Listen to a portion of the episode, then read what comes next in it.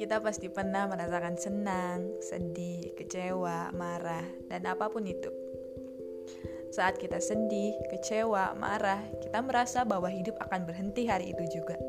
Tapi saat kita senang, kita tertawa, kita merasa bahwa hidup ini akan berjalan masih lama, entah sampai kapan. Bukankah begitu?